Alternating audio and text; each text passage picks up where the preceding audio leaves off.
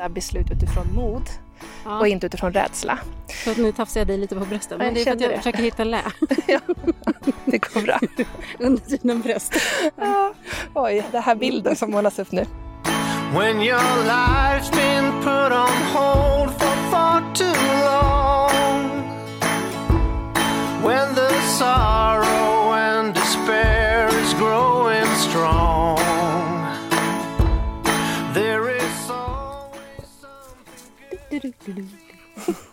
Oj, det kommer vildsvin och tar oss snart. Ja. Hej Sara! Hej Katta. Eh, höll på att säga välkommen hem till Jämtland. Ja, Men tack. Du har ju varit hemma en sväng. Mm. Det är jag som varit borta, men sen åkte du bort. Ja, vi turas om i bortavarandet. Ja. Men jag tycker att du har ordnat en väldigt fin välkomstceremoni hem till mig. Det här är den första varma dagen sen... Eh, 1973. ja, det har ju varit fem grader och regn här i Mm. två, tre veckor. Fantastiskt. Det är så svårt det där, för när jag har kikat på, eller när man bor här så är man ju ofta i sin eh, Instagram-filterbubbla.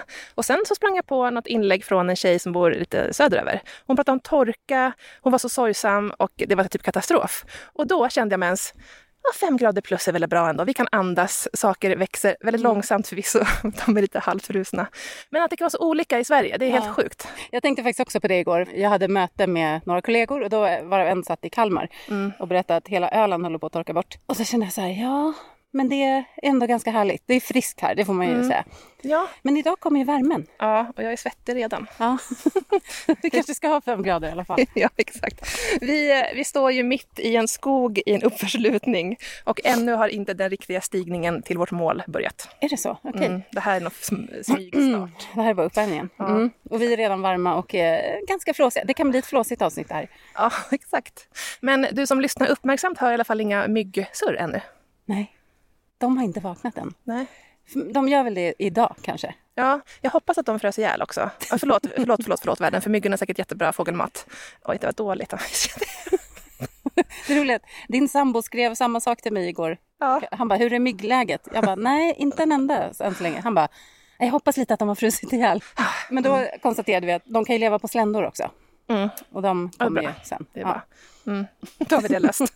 precis. Så många man ska ta ansvar för. Och hade jag varit mygga då hade jag också faktiskt eh, frivilligt Frusit ihjäl. frusit ihjäl. Ja, nej men vi ska ta oss upp Sara. Ska du berätta vart vi... Ja, vi står vid botten av Middagsvalen här i Jämtland. Vi har parkerat i Vallbo som är på väg mot Vålådalen. Det här är en fantastisk liten topp vi ska upp på. Perfekt så här, efter jobbet-topp om man råkar bo och jobba här. Men om man kommer hit på semester så ser det som en ungefär en halvdagstur. Vi kommer bjudas på fantastiska utsikter så att vi tar lite bilder och postar. Tänker jag. Ja, det kommer vi göra. Mm. Och vi har också med oss ett gäng frågor från er som lyssnar. Som faktiskt bemödade sig att skriva in lite frågor när vi frågade efter på Instagram. Så de ska vi passa på att besvara längs vägen här. Så, vet du, nu såg jag första myggan här. Oj. Ja, vi, oj, där är den. Du Katta, får du flashbacks till när du var med i Sveriges Radio och var ute och gick Ja. tidigt en morgon? Det var en upplevelse. Men då hade jag, då hade jag sån tidspress så jag var ju tvungen att... Titta, kolla. Oj, jättestor mygga. Ja. Du viftar på. Nej, titta den kom tillbaks. Ja. Envis. Ja, vi kanske ska röra lite på oss då. Ja. Så att vi eh, inte blir uppätna. Vi får återkomma till vad det var du faktiskt pratade om i Sveriges Radio också, så att det här känner att det här blev en cliffhanger. Ja, just det. Vi tar det sen på nästa. Nej, den kommer strax. Hej så länge.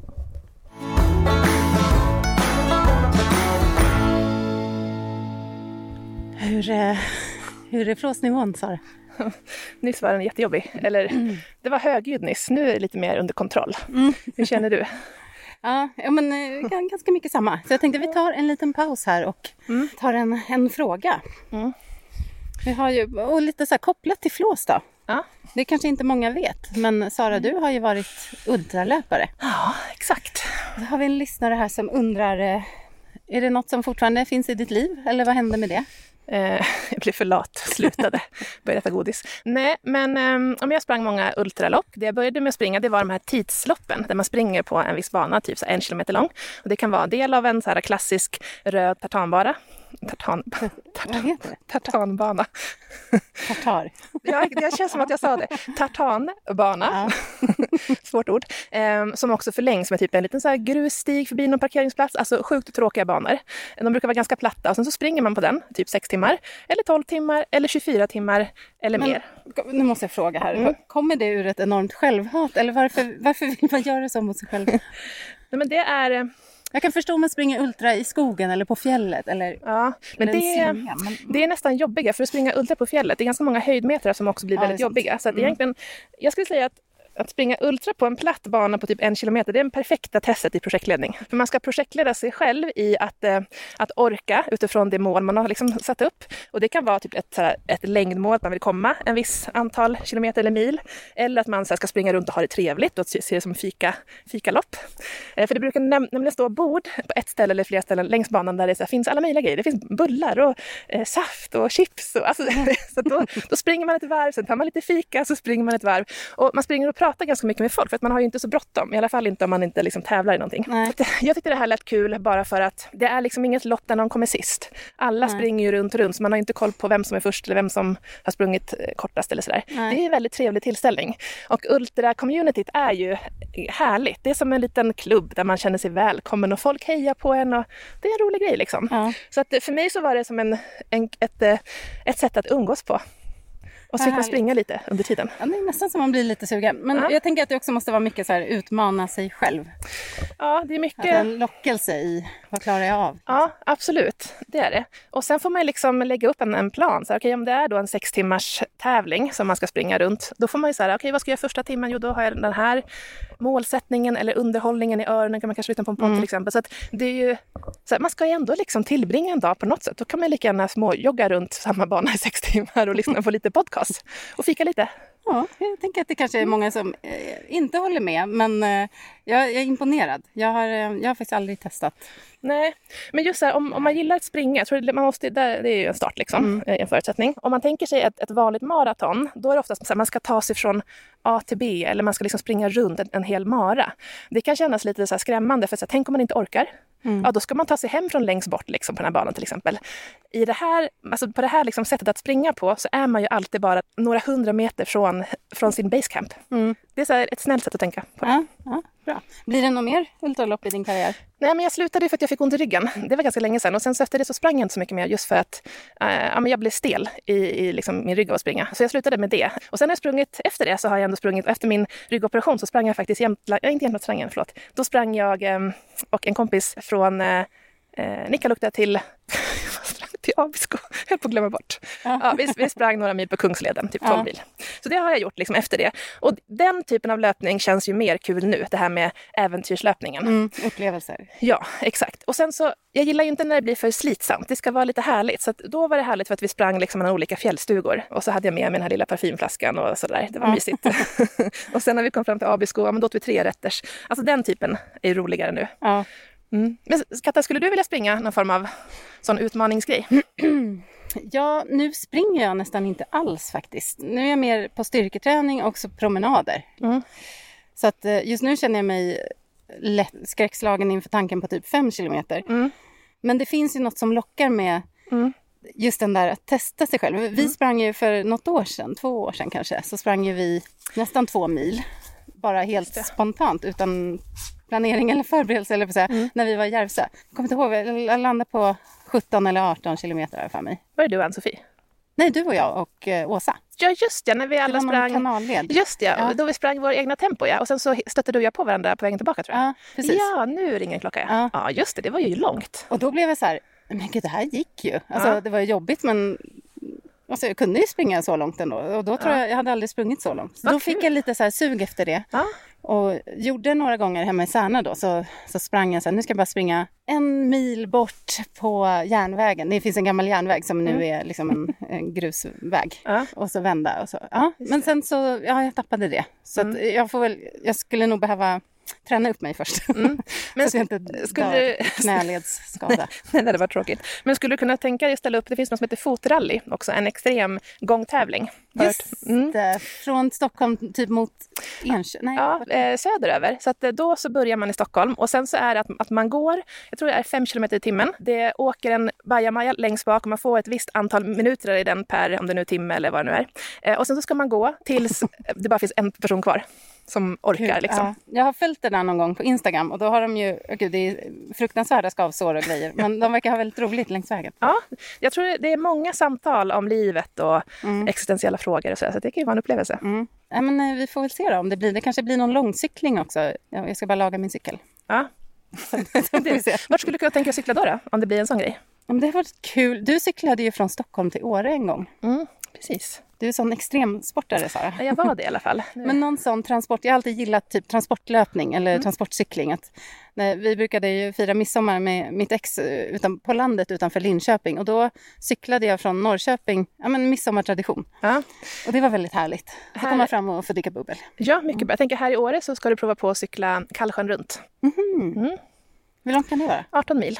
Oj! Mm. Och jag tror till och med i sommar så kan man, för det är ju 18 mil runt den här sjön och det är lite kuperat, eh, men man kan också åka en eh, fantastisk gammal, jag undrar om det är en ångbåt, en bit över så kan man liksom cykla och åka lite båt. Ja, det är en väldigt kul grej. Ja. Ska det kanske vara en, någonting vi gör tillsammans? ja, vi kanske måste kolla på det här. Ja, det lät jättekul. Tills jag, Eller tills jag. just nu, i teorin låter kul. Ja. Eh, Jag vet också att rumpan tar lite stryk, men, Mm. Det kommer bli en repris av Siljan Rund som jag tror vi har pratat om i den här podden. men jag vägrar köra i samma väder Ja, som vi nej. gjorde då. Typ tre plusgrader och Fruktansvärt. motvind. Det var kul. Ja. Men det, man känner sig så otroligt levande och Ja. grym när man kommer över mållinjen. Ja, Det, exakt. det är mäktigt. Det är det som lockar med de här strapatserna för mig. Mm. Det är liksom känslan efteråt att ha klarat av det. Ja. Jag tycker också just den här att man, ja, men känslan av att ha klarat av det och att så växa som person. Det jag tycker är jobbigt med strapatstänket, det är det här förslitningsgrejerna. Och då tänker jag främst på du vet, skavsår eller så få tryckont under fötterna eller liksom, ja, men, så tryckont i händerna på cykeln. Sådana grejer som inte alls är kopplat till så kondition eller något annat. Nej. Utan det är bara grejer, Det är bara att äta pannben. Ja, precis. Och där, alltså kroppen är ju fantastisk. Jag kommer ihåg just på den här 6 timmars tävlingen att om jag hade så väldigt ont i knät så här, mellan timme fem och fem och en halv. Och sen så, jag tror jag tog en paus och sen så var det liksom typ en kvart kvar. Då kände jag att jag måste ut på till varv. Och de sista fem minuterna, all smärta försvann. För då var vi så nära mållinjen så jag bara kände att men jag kan öka på nu. Liksom. Ja. Och det är så sjukt hur kroppen funkar. Så liksom, bara den liksom, insikten är ju värd en och annan strapats. Ja. Att man förstår att kroppen kan göra fantastiska saker. Med det sagt ska vi ge oss på branten. Ja. Det kan bli en riktig strapats. Uppför branten, genom alla myggsvärmar. Hur många hundra höjdmeter ska vi upp? Är det tusen höjdmeter här eller? Är det det? Nej, jag tror det är typ hundra. Ja. Det är inte så farligt. Nej, det, är inte Åreskutan det här. Nej. Faktiskt. Det är ingen vertical K. Nej. Nu kör Den, vi. den kanske du ska ta i sommar. Ja, Du faktiskt. ta med en annan än mig, för det är min värsta grej ever. Alltså Ja. det där är värre än att springa 12 timmar. Jag har ju gått upp för skutan, inte just, den det. sträckningen Mm. exakt tror jag. Men eh, fruktansvärt jobbigt, mycket jobbigare än man tror. Ja, hemskt. Men roligt när man Den, är... den är hög. Ja, uppför. Det är jobbigt. Du har så mycket muskler därför. ja, det är det. Ska vi gå Hazel? Ska vi springa? Då gör vi det.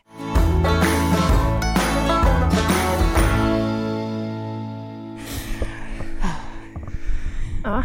Flåsfaktor. Okej ändå, tycker ja. jag. Nu är vi ju långt ovan trädgränsen.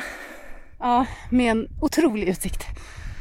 Vi ser Ottfjället, är det va? Ja, precis. Bakom oss, där vinden kommer ifrån, ser vi Ottfjället. Här ligger ju ett flygplansvrak Va? på Ottfjället. Mm. och Det har legat nu där. blev jag, min den här inre nörden blev lite Ja, nu. jag tycker du ska få i uppgift att leta, leta upp det där. Jag kan följa med. Jag har inte varit där. Det har varit jättekul. Det är från ganska länge sedan. Typ andra världskriget.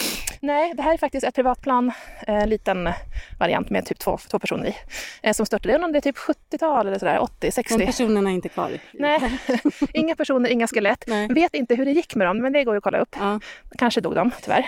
Det ser så ut utifrån planet. ja. Men delarna är liksom kvar där uppe. Ligger, det finns ju en led upp på Ottfjället så man kommer till, till, till toppen. Så att det finns koordinater som finns ute på nätet vart det, vart det här är någonstans. Spännande. Mm, en bit historia. Ja, men jag älskar ju sådana här, så här gamla, du vet, gamla byggnader, ruiner, Fallfärdiga saker. fallfärdiga saker. Ja, det är spännande. Betong. Mm. Och sen ser vi också ut över Hockren, Hockenmagasinet. Och jag tror att det där är Hottögsfjällen. Också en jättefin eh, topp med en fin led upp. Eh, och när man väl är uppe liksom ovan trädgränsen så kan man gå ganska fritt på fjället, precis som vi kan göra här. För det är ganska torrt, lite så här stenigt, fjällhedigt. Mm. Hazel rullar sig i, i djungeln. Om, det, om ni undrar vad som låter.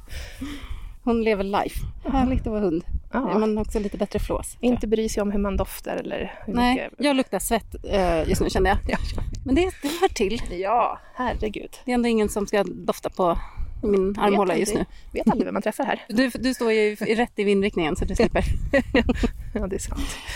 Ja, Sara, vi är nästan uppe vid toppen. Ja, ska jag ställa en fråga till dig, Katta? Ja, men det kan ni få göra. Jag tar lid på det. Ja, men man brukar ju säga att, eh, eller så här, vissa personer säger så här att "Ja, men jag vill fatta beslut utifrån mod Ja. och inte utifrån rädsla. Så att nu tafsar jag dig lite på bröstet. Ja, Men jag det är för att jag det. försöker hitta lä Det går bra. under dina bröst. Ja. Oj, det här bilden som målas upp nu. Eh, Ja, men det här med att fatta beslut utifrån mod istället för Ja. rädsla. Men eh, vad känner du rädsla inför och eh, hur, eh, hur, hur hanterar du den rädslan? Och det där kan man ju tänka på många sätt, men hur tänker du kring det? Ah, Hur lång tid har vi? Ja, vi har väldigt lång tid, för här är det myggfritt.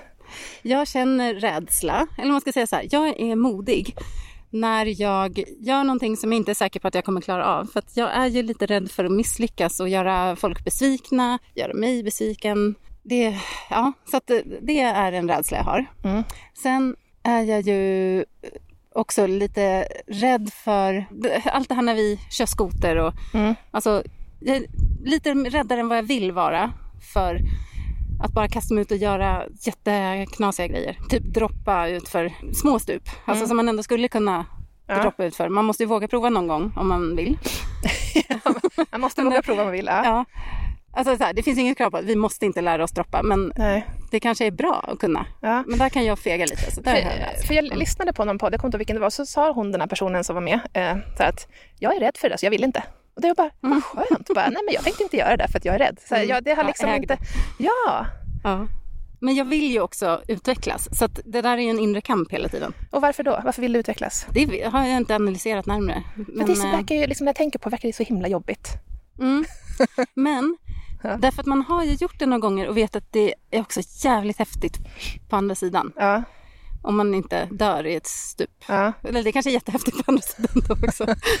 Men om du skulle, om du skulle förklara det för någon som är så här, nej, så här lite, ja men som tycker om sin comfort zone och Mm. sådär. Hur, vad skulle du säga då? Ja, men alltså livet växer ju. Ja, Det blir större tycker jag. ja, Världen blir större. Och jag själv, jag blir stolt över mig själv. Och, ja, men det är alla de grejerna, det är det som har gjort att, att man steg för steg har gjort nya saker och lärt sig nya saker och blivit bra på saker. Det, det är ju för att man har vågat. Alltså, man, man tänker sig bara från första gången man skulle hålla någon slags föredrag. Mm.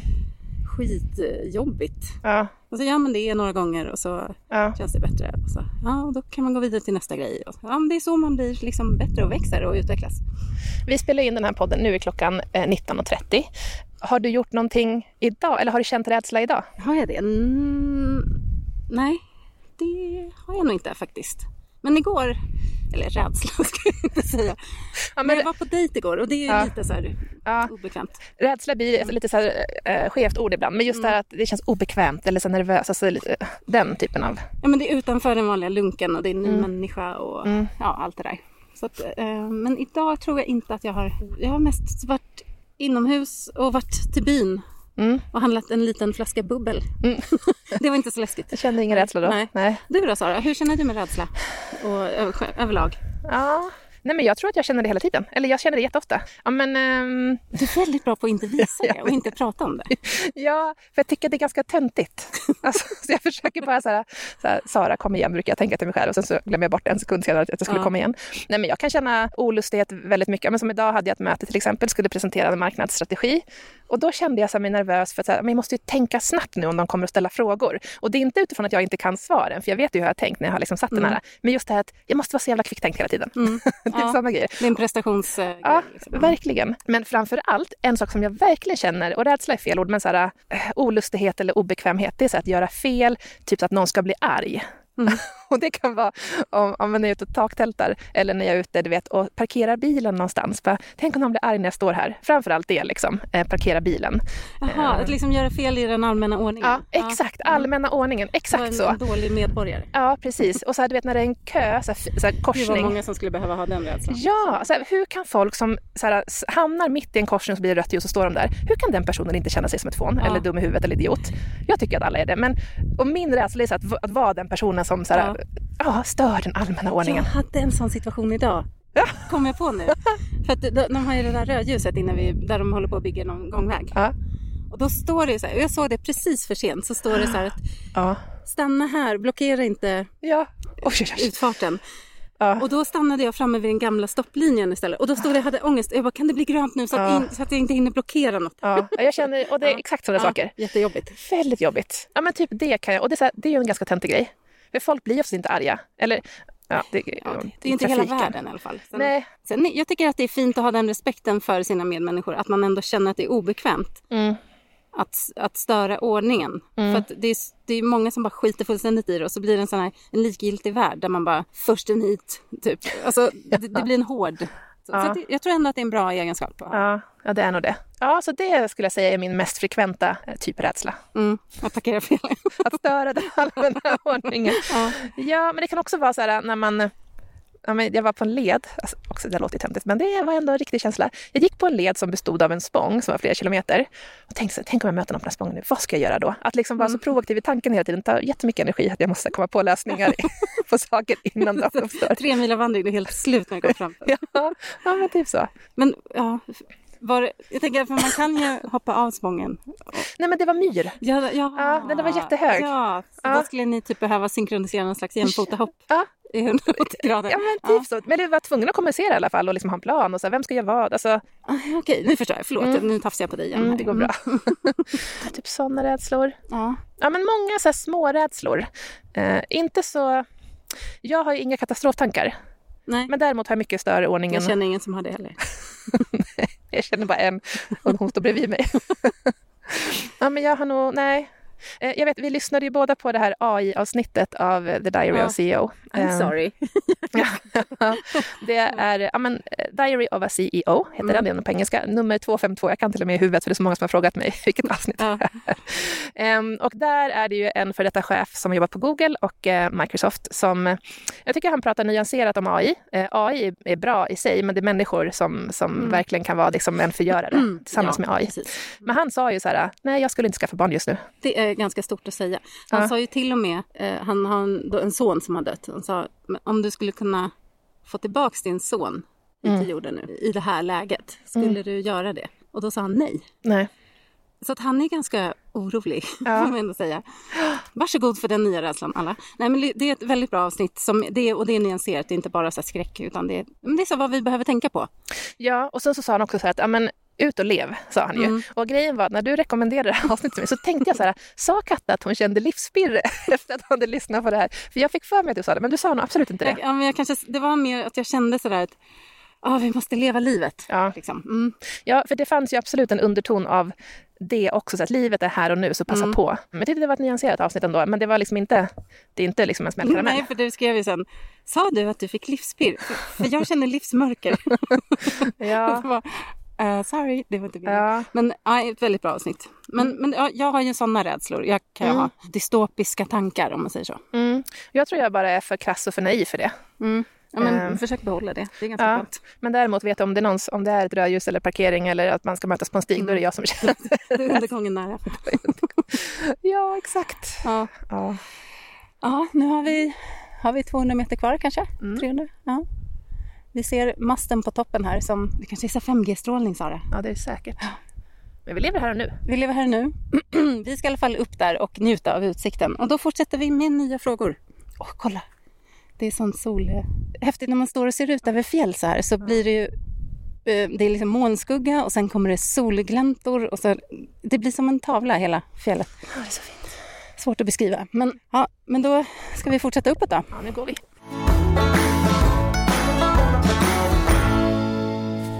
Prasslar du med för gott här borta? Ja, men här, jag, eh, du hade ju med digestivekex spontant. Otroligt rik bidrag eh, här till... Sara har med sig brie och gruyèreost. Ja, men jag tyckte det var ju liksom, vi hade inte ens pratat om det. Nej. Det här är ju världens bästa kombo. Lite brie, lite gruyère. Du har också med dig en liten flaska bubbel. Mm. Jag har med mig två alkoholfria öl, Jämtlandsöl. Och sen eh, lite delicatobollar. Ja, Så- det är riktigt fredagsparty här uppe Ja, på. jag tror jag hittade lite mer här också i väskan. Oj! Ja, det är så proteinbar. Exakt, lite klassiska bearbell. Ja, så att vi dukar upp buffén här. Då. Vi, vi kommer inte svälta ihjäl här på fjället Jag och inte eh, inte törsta ihjäl Och kolla heller. här också, riktigt fina glas. Ja, jag unnade mig nu att ta med, jag inlindade i en kökshandduk så tog jag med riktiga bubbelglas. För jag tänkte att Ja, när man inte går så långt då kan man eh, unna sig lite extra mys. Det är det här man minns när Ja. man eh, sitter där i höststormarna. Just idag, det är inte vindstilla som ni hör, det blåser lite i micken. Men eh, nästan ändå. Och Mm. som sagt, första dagen med ljumma vindar. Så det känns ju... Vi sitter i t-shirt. Och vi är ensamma på fjället. Vi såg två renar när vi gick upp hit. Vi ser Ja, men vi ser till Helax härifrån. I can see my house from here. Ska vi ta en fråga innan vi festar loss på de här Mm. kalaset? Ska du ställa frågan medan jag öppnar bubblet här? Ja, det tycker jag Tror låter du som att en vi klarar bra av den plan. multitaskingen? Det måste ändå vara tryck. Nej, det är sån här... Ja, det är skrillkork. Nej, Nej. men- Vilket antiklimax. Men är det bubblor i alla fall? Ja, det, jag tror det. Men, men det var inget, eh, Okej. inget poppande. Det var Vi ingen får, klippa in, vi får klippa in ett hederligt champagnepop här. Ja, men Så. ni ska höra när jag häller upp i alla fall. Ja.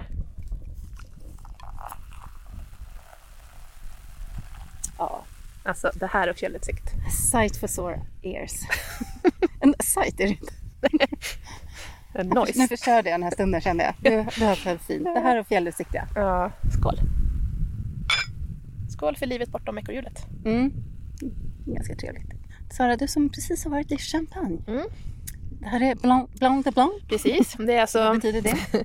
vit champagne från vita druvor. Till skillnad från Blanc de Noir som är vit champagne från eh, mörka eller svarta druvor. Eller blå är de ju egentligen. Blanc de Blanc brukar vara lite, lite mer äppligt. Äppeltoner Mm. kan man säga. Oftast. Nu när du säger det så. Mm. Eh, passar jättebra som en liten fördrink så här på fjället.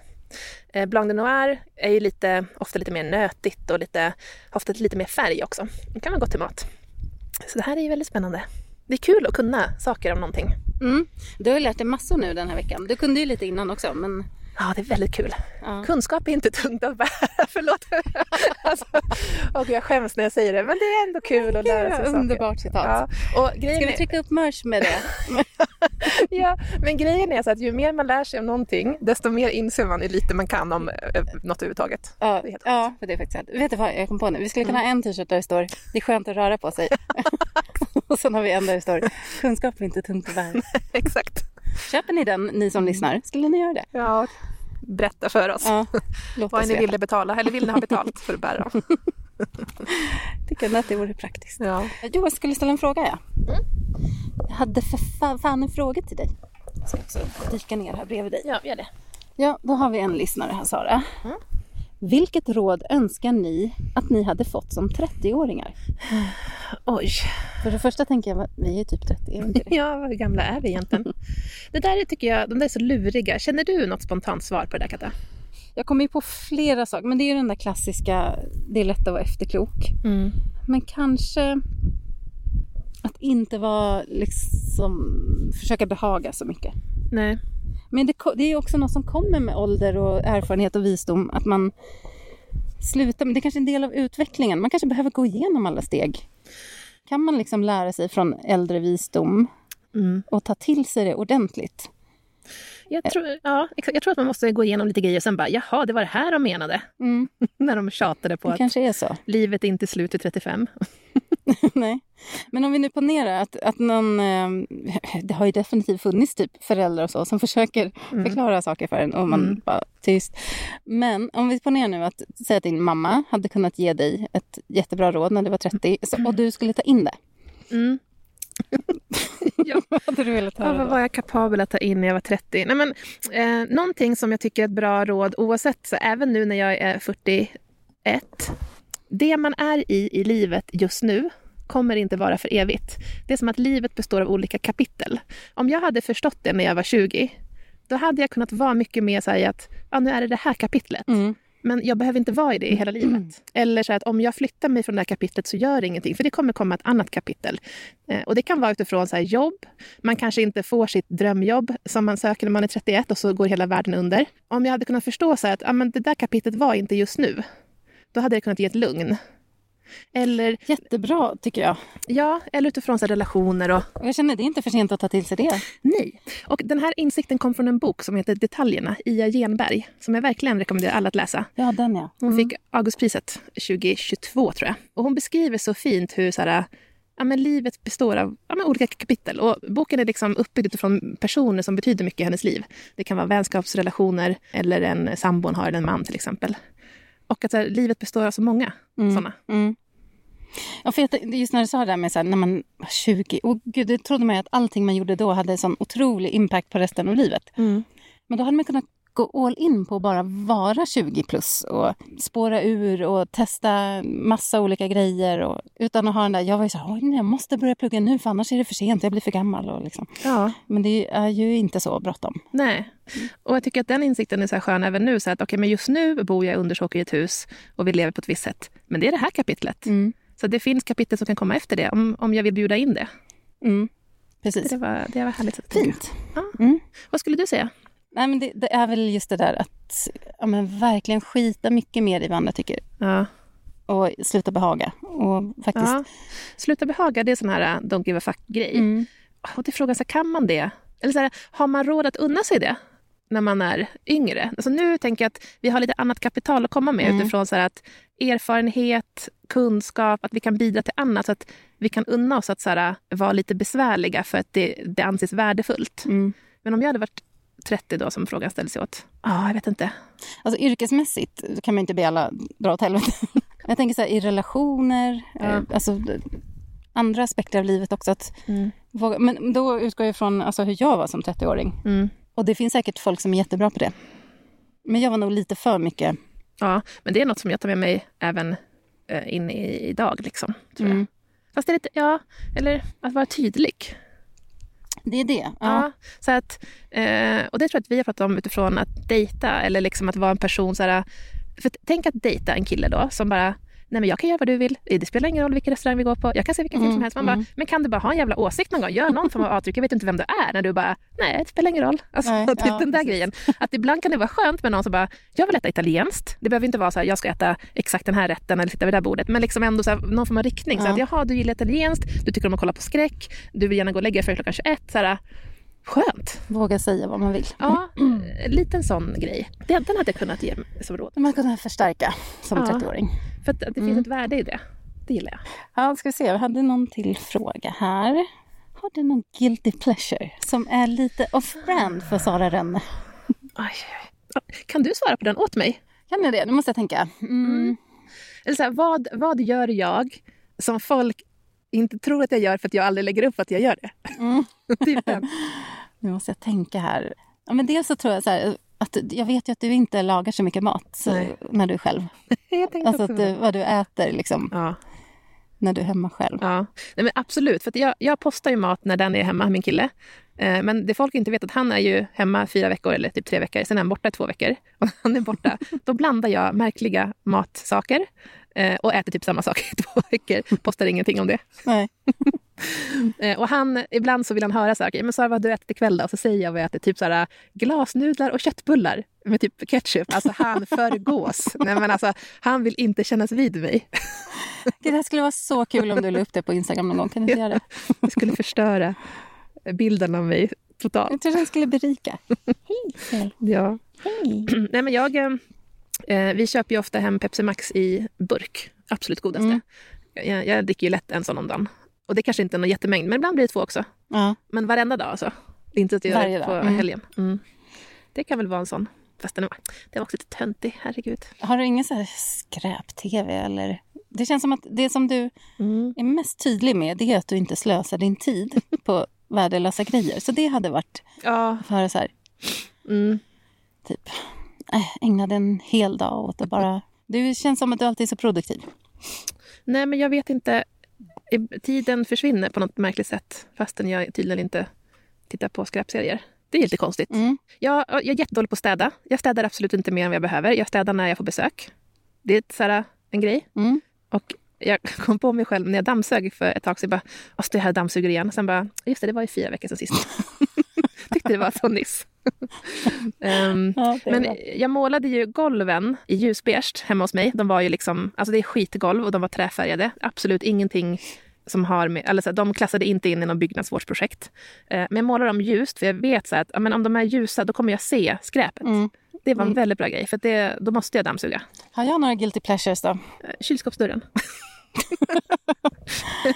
Ja, är det så off-brand då? Ja, Nej, jag tror inte du säger det så mycket. Eller så här, det är Nej. svårt att fånga det på ja eh, det kommer ju aldrig upp spontant. någonstans. Nej. Nej. men de runt omkring dig, de blir inte förvånade. Och det, Men det roliga är att det här har ju typ börjat sen Nej. i vintras. Det har inte det. Det är bara att vi har sagt dig. Men det var kul när du sa att du hade åkt till jobbet och sen när du kom hem bara, ja just det, kylskåpsdörren stod öppen. Då kände jag att ja, Ja, men nu, på mina två senaste ställen, Mm. eller ja, där vi var i Lappland, då var det en kylskåpsdörr som man tror att man stänger den, men så glider den inte hela vägen igen. Nej. Och så är det hemma hos mig nu. Vi säger Och så. frysdörren. Jaha, Jag blir den. galen. Ja, den är lite värre. Det har lite större impact. Mm. Eh, nej, men jag tycker det är väldigt kul. Och det är inte så mycket off-brand heller. Men du, du, det är ju väldigt kul att umgås med dig för att man vet aldrig vad som händer. Eh, jag tänker på när vi kör skoter och halva skotern är med. och när du ska stänga av skotern så stänger du av till hälften. och sen kommer du på några timmar senare på kvällen att det är något som lyser där ute. Ja, det är min skoter. Ja, nej, vet du vad? Det är din sambo som kommer på att Ja. jag inte har stängt av skotern. Ja. Och så, jag tror det var så här, tre, fyra dagar som han kom in och bara jag hoppas det var okej att jag red ut en nyckel hela vägen. Ja, Ja, med ja, men jag kan ha huvudet lite i nästa grej eh, redan. När jag Mm. inte alltid är helt närvarande. Ja. Och vi sa ju så här att när vi skulle prata om just den här frågan, vi fick, vi fick inte bli för cheesy, men det är ju de här sakerna som gör att det inte blir så präktigt och så perfekt. Liksom. Tänk om du hade stängt kylen varenda dag. Jättetråkigt. Eller om du hade kört iväg och liksom stängt pack, eh, packväskan på skotern. det så den- tråkigt. Ja. Eh, Vad, vad skulle ni göra då? Ni hade haft så mycket tid över. Det var det om det. Ska vi ta och snacksa lite nu då? ja, men vi gör det, så återkommer vi när vi Mm. har fått i oss lite.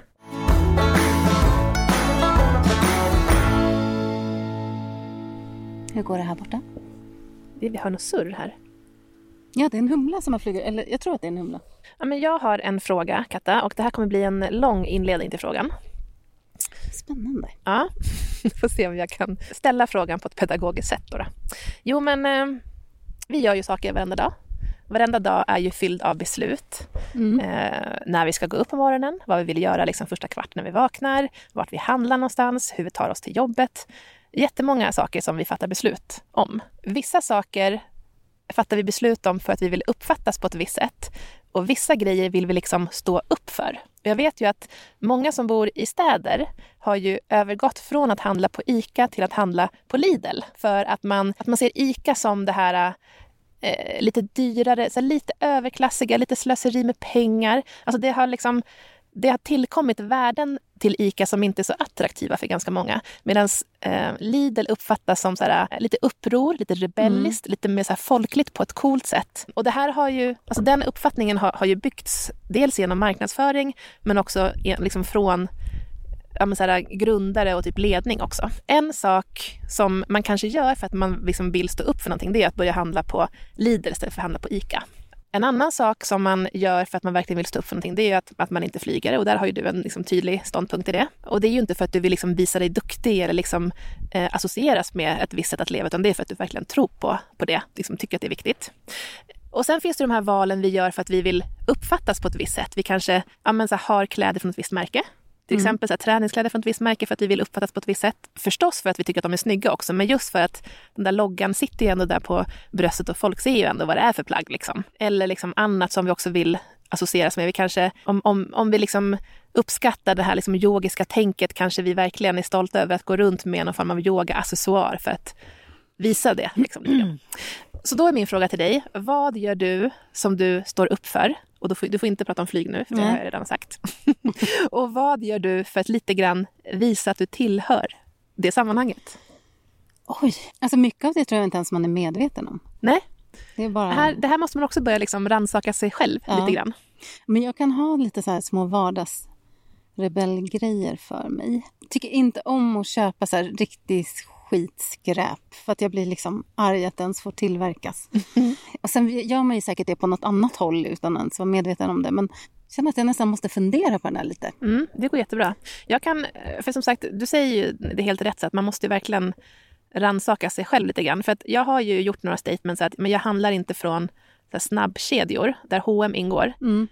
Och det är nog inte för att jag liksom har just H&M's Eh, actions på min liksom, eh, svarta lista, utan det är för att jag inte vill vara en sån som handlar från H&M. Så det är ju en sån här grej Alltså det är ju mitt eget så här, greenwashing-tänkande. Då. Fast jag, för sig, jag, jag döljer ju inte det. Eller menar, jag, jag handlar ju inte på H&M för att ut, utifrån det främsta skälet att, att det känns liksom miljödåligt. Utan jag handlar inte från H&M för att jag vill inte vara en, en i mängden-person. Mm, ja, jag Så fattar. det, Mm. det är nog utifrån den. Nu kommer jag på en, apropå det. Eller vad säger du, Hazel? Och nu uttråkad. Jättetråkigt. Jag eh, skulle ju aldrig för mitt liv åka till Ullared. Nej, och är du för att du inte vill vara en sån person? Eller för att du inte... Det är nog en blandning. Dels för att jag tänker så här, det är, det är sånt sjukt beteende att vi åker och bara shoppar, shoppar, shoppar. Mm. Och även om det är så här, ja man kan köpa saker billigare där. Och jag fattar att för vissa är det liksom värt att sitta och köra dit. Men jag tror det, mest, det handlar ju mest man överkonsumerar. Och det, det har börjat kännas så sjukt. Men sen är det också att oj, när jag skulle inte klara av den där miljön och hetsen. Och, och så är det, det känns ärligt talat som lite så här skräp. Mm. Det, ja, det känns inte värt. Där är jag med dig också på så här, typ Shein och alla de här jävla Mm. fruktansvärda som bara förstör planeten ännu snabbare än alla andra fast fashion. Eller Dollarstore. Ja. ja, jag var inne på en dollarstore. Jag kunde inte andas för att det är ju ändå en... Det är något med plasten, alltså det går ner i lungorna. Ja, nej usch. Jag, jag har faktiskt inte varit inne, men vad finns ens där? Jag, vill- jag vill inte veta. Ska inte berätta, fanns jättemycket saker. Men eh, Nej, och, det, och inte, så här, inte för att vara snobbig eller så, utan jag bara tycker att det är fel. Men vad gör du eller vad gör du inte för att... Höra till. Ja, exakt. Jag har en fleecetröja på mig nu. Jag tyckte den var fin när jag köpte den för några år sedan. Men det är ju för att det har man sett. Men det, det är typ en sån där grej som kanske inte aktivt är åh, jag vill ha en sån för annars kommer inte Sara vilja vara med mig. men man blir påverkad av sin omgivning. Sen är det här att man inte beter sig hur som helst. Jag ska försöka komma på något konkret för det är roligare. Men du pratade om det där laglydiga tidigare. Det är ju en sån grej att man inte, man stökar inte så mycket i vardagen. Alltså, be folk dra åt helvete. Och, Men jag har ju en sån grej för mig. Alltså jag är inte heller så stökig. Men däremot så, alltså jag kör ju en bil med mitt namn på. Och lite annat där jag syns. Alltså jag, Ja. jag bygger upp en scen för mig själv hela tiden. Och det hör nog också väldigt mycket ihop med att inte vara en i mängden. Alltså jag har nog väldigt mycket såna grejer för mig. mm. Men då, då är det inte för att höra till, utan det är tvärtom. Ja, det var ju konstigt. Jag, jag vill höra till genom att sticka ut. Jag jobbar lite så, tvärtom. Ja, det är du och alla andra utstickare som Ja, hör till. Men det är som att jag har någon rädsla av att inte vara någonting. Eller så att inte liksom, för jag kommer, jag kommer aldrig vara en entertainer på en fest. Det är inte, kan du se det framför mig? Jag bara står i mitten och bara håller låda. Nej, det kan vi inte se framför oss. Om du är tillräckligt trygg Ja. Mm. med alla som är där, då, tror jag, då har jag sett dig vara lite mer så. Du kan vara jätterolig. Men, det, men du är ju inte den här spexaren kanske som... Nej, Men, jag är inte liksom entertainment-person. Men däremot så är jag ju, jag hävdar mig på ett annat sätt. Mm. Om man ska använda ett sånt uttryck. Ja. Det kan ju vara både positivt och negativt. precis, du ber inte om ursäkt för dig. Nej, så. så den är viktig. Och den, jag, håller ju, alltså jag gör ju massa grejer för att på något sätt sticka ut. Vad gör jag för... Oh, gud. Nej, det här blev lite tråkigt svar av mig för jag känner jag kommer inte på något konkret. Det är klart man gör det hela tiden. Alltså man anpassar sig. Det- Dels att man inte säger till folk alltid om man tycker att de är Mm. helt fel ut eller re- rent av dumma i huvudet. För det är inte socialt acceptabelt kanske. Ja. Nej, intressant fråga och, och så här, väldigt bra att reflektera över kanske. Jag har funderat jättemycket på just de två liksom, de senaste dagarna. Så vad, vad gör jag för att jag vill stå upp för det och vad gör jag för att jag vill uppfattas på ett visst sätt? För det är som, båda två är liksom actions och val men eh, grundat ur två olika vinklar på något sätt. Och jag tror att det är bra att bli medveten om vad man gör för att passa in som egentligen kanske går emot en själv lite. Och Ja, att, eh, Exakt. att det äter på en själv. ja. Vi hade någon mer fråga här. Nu ska vi se.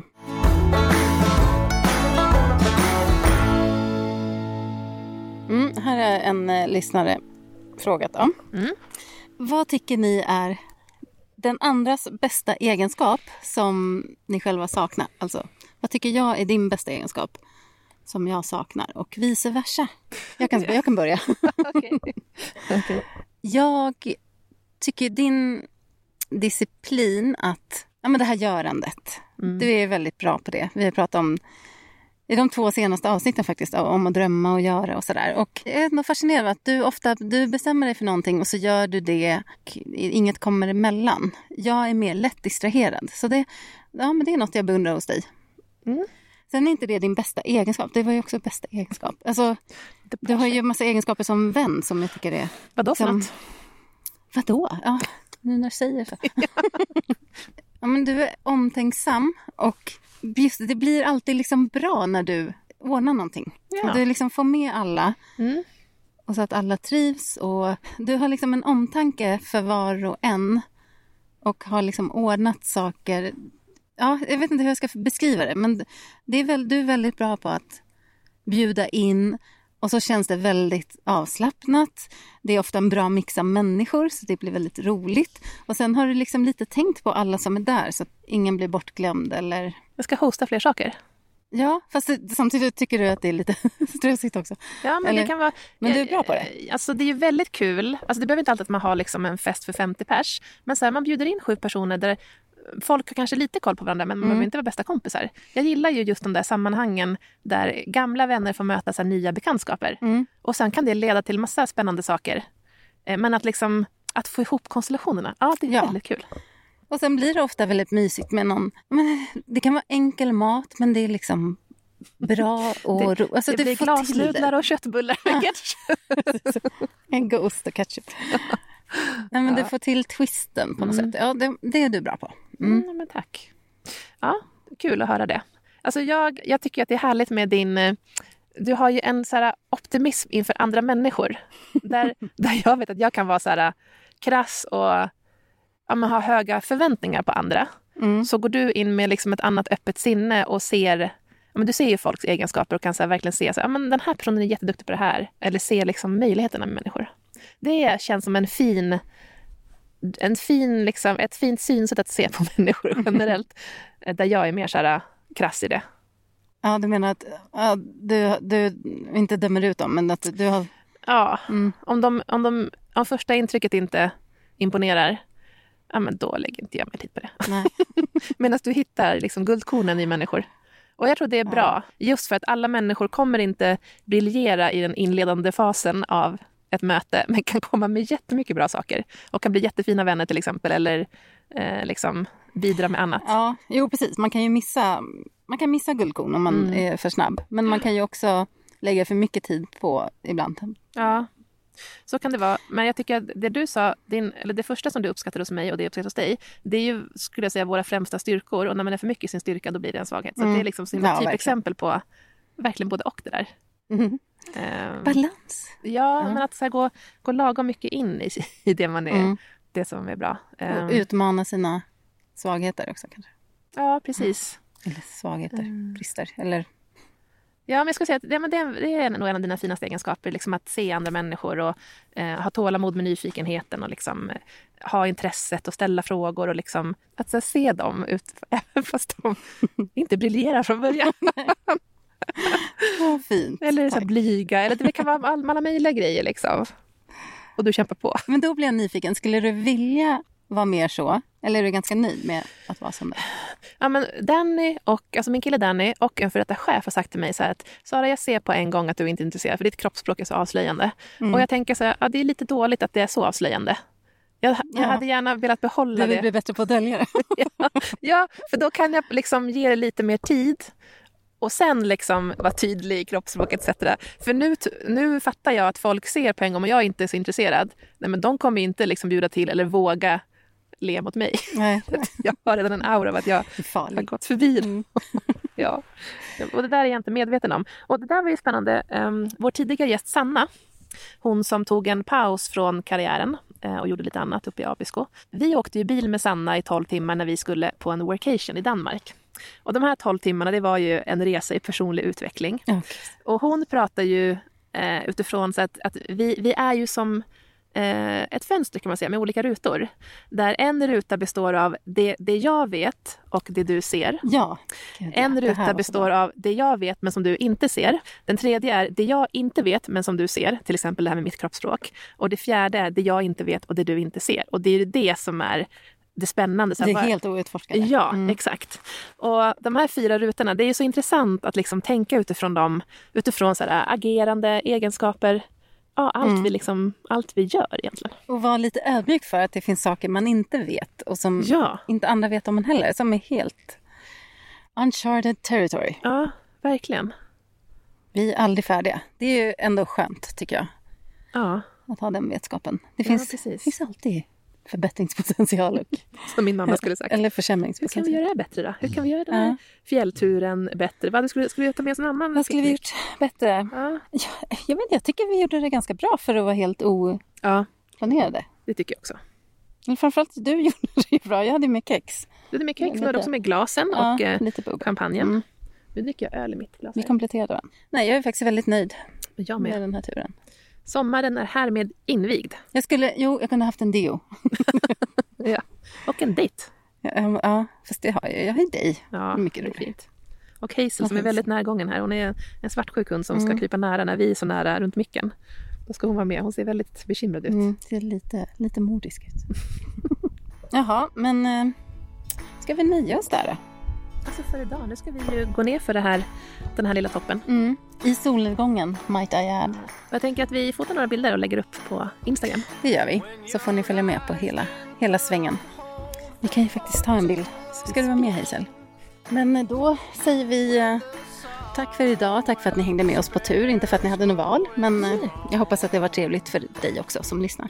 Ja, det var kul. Nu har flera tusen varit uppe på Middagsvalen. Det är så många som lyssnar på det här. Det kanske man inte ska tänka på. Är, men nu när du sa det, glöm allt jag sa. Vi är bara bra personer, vi har Ja. inga svagheter. Nej. Ja, nej, tack. Tack eh, Sven Karlsson, tack Epidemic Sound Tack för poddmusiken. Livet, eh, min familj, manusförfattarna. Tack Sara för en ypperlig eh, kväll, fredagkväll Ja, på Middagsvalen. Vi hörs igen. Det var en stor mygga som satt på ditt ben. jag tror jag undrar om man får mygg de här eller om det är sådana som inte ger. Jag tror inte de har lärt sig än kanske. Vi hörs igen om två veckor. Tills dess, ha det alldeles underbart. Over and out. Hej då! Hej då!